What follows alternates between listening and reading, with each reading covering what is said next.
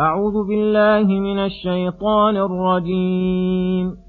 ثم آتينا موسى الكتاب تماما على الذي أحسن وتفصيلا لكل شيء وهدى ورحمة.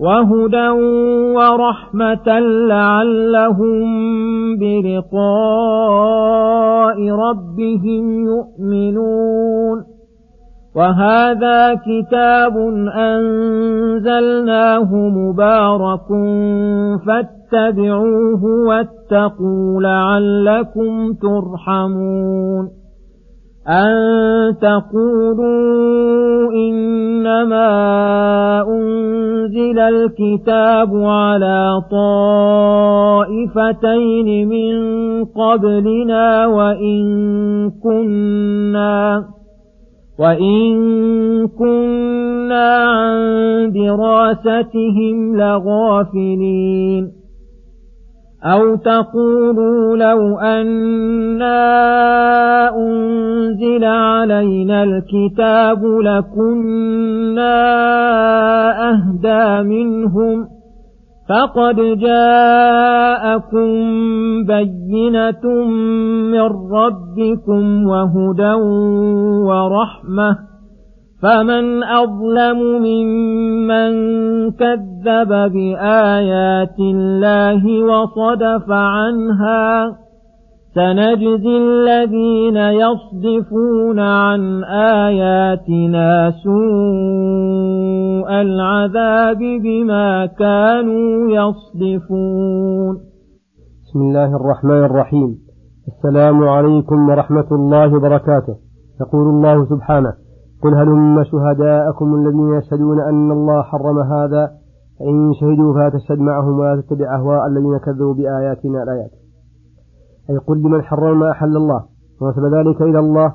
أحضروا شهداءكم الذين يشهدون أن الله حرم هذا.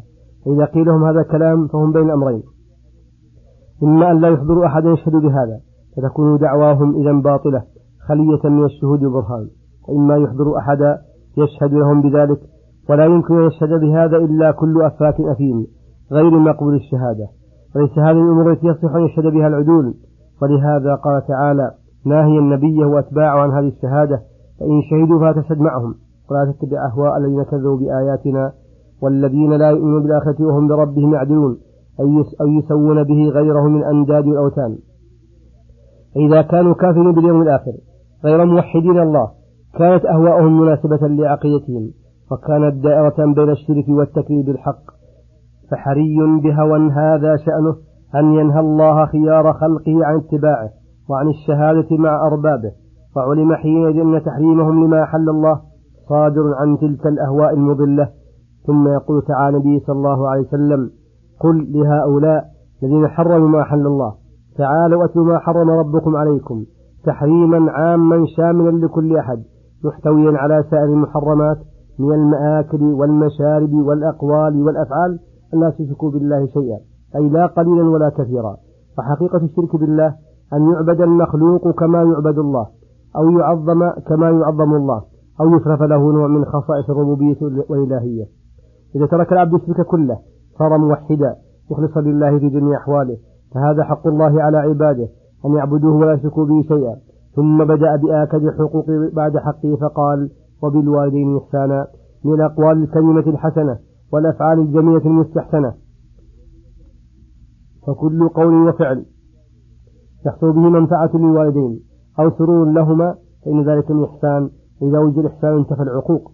ولا تقتلوا أولادكم من ذكور وإناث من إملاق أي بسبب الفقر وضيقتكم من, وضيقتكم من رزقهم كما كان ذلك موجودا في الجاهلية القاسية الظالمة. إذا كانوا منهيين عن قتلهم في هذه الحال وهم أولادهم فنهيهم عن قتلهم بغير موجب أو قتل أولاد غيرهم من باب أولى وأحرى.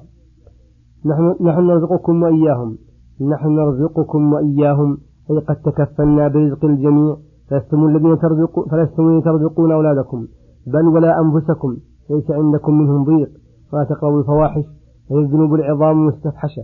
ما ظهر منها ما بطن أي لا تقربوا الظاهر منها والخفي أو المتعلق منها بالظاهر ومتعلقة بالقلب الباطن. بالقلب والباطن والنهي عن قربان الفواحش أبلغ من النهي عن مجرد فعلها فإنه يتناول النهي عن مقدماتها ووسائلها الموصلة إليها.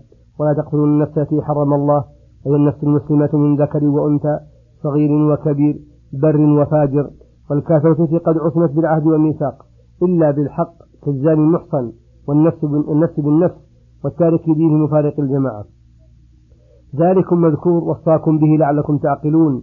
عن الله وصيته ثم تحفظونها ثم تراعونها وتقومون بها ودلت الآية على أنه بحسب عقل العبد يكون قيامه بما أمر الله به فلا تقربوا مال اليتيم بأكل أو معاوضة على وجه المحاباة لأنفسكم أو أخذ من غير السبب إلا بالتي هي أحسن أي إلا بالحالة يستصلح بها أموالهم وينتفعون بها.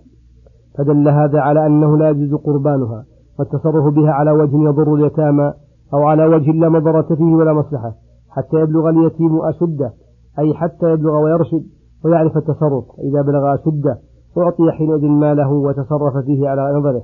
وفي هذا دلالة على أن اليتيم قبل بلوغ الأشد محجور عليه وأن وليه يتصرف في ماله بالأحظ وأن هذا الحجر ينتهي ببلوغ الأشد.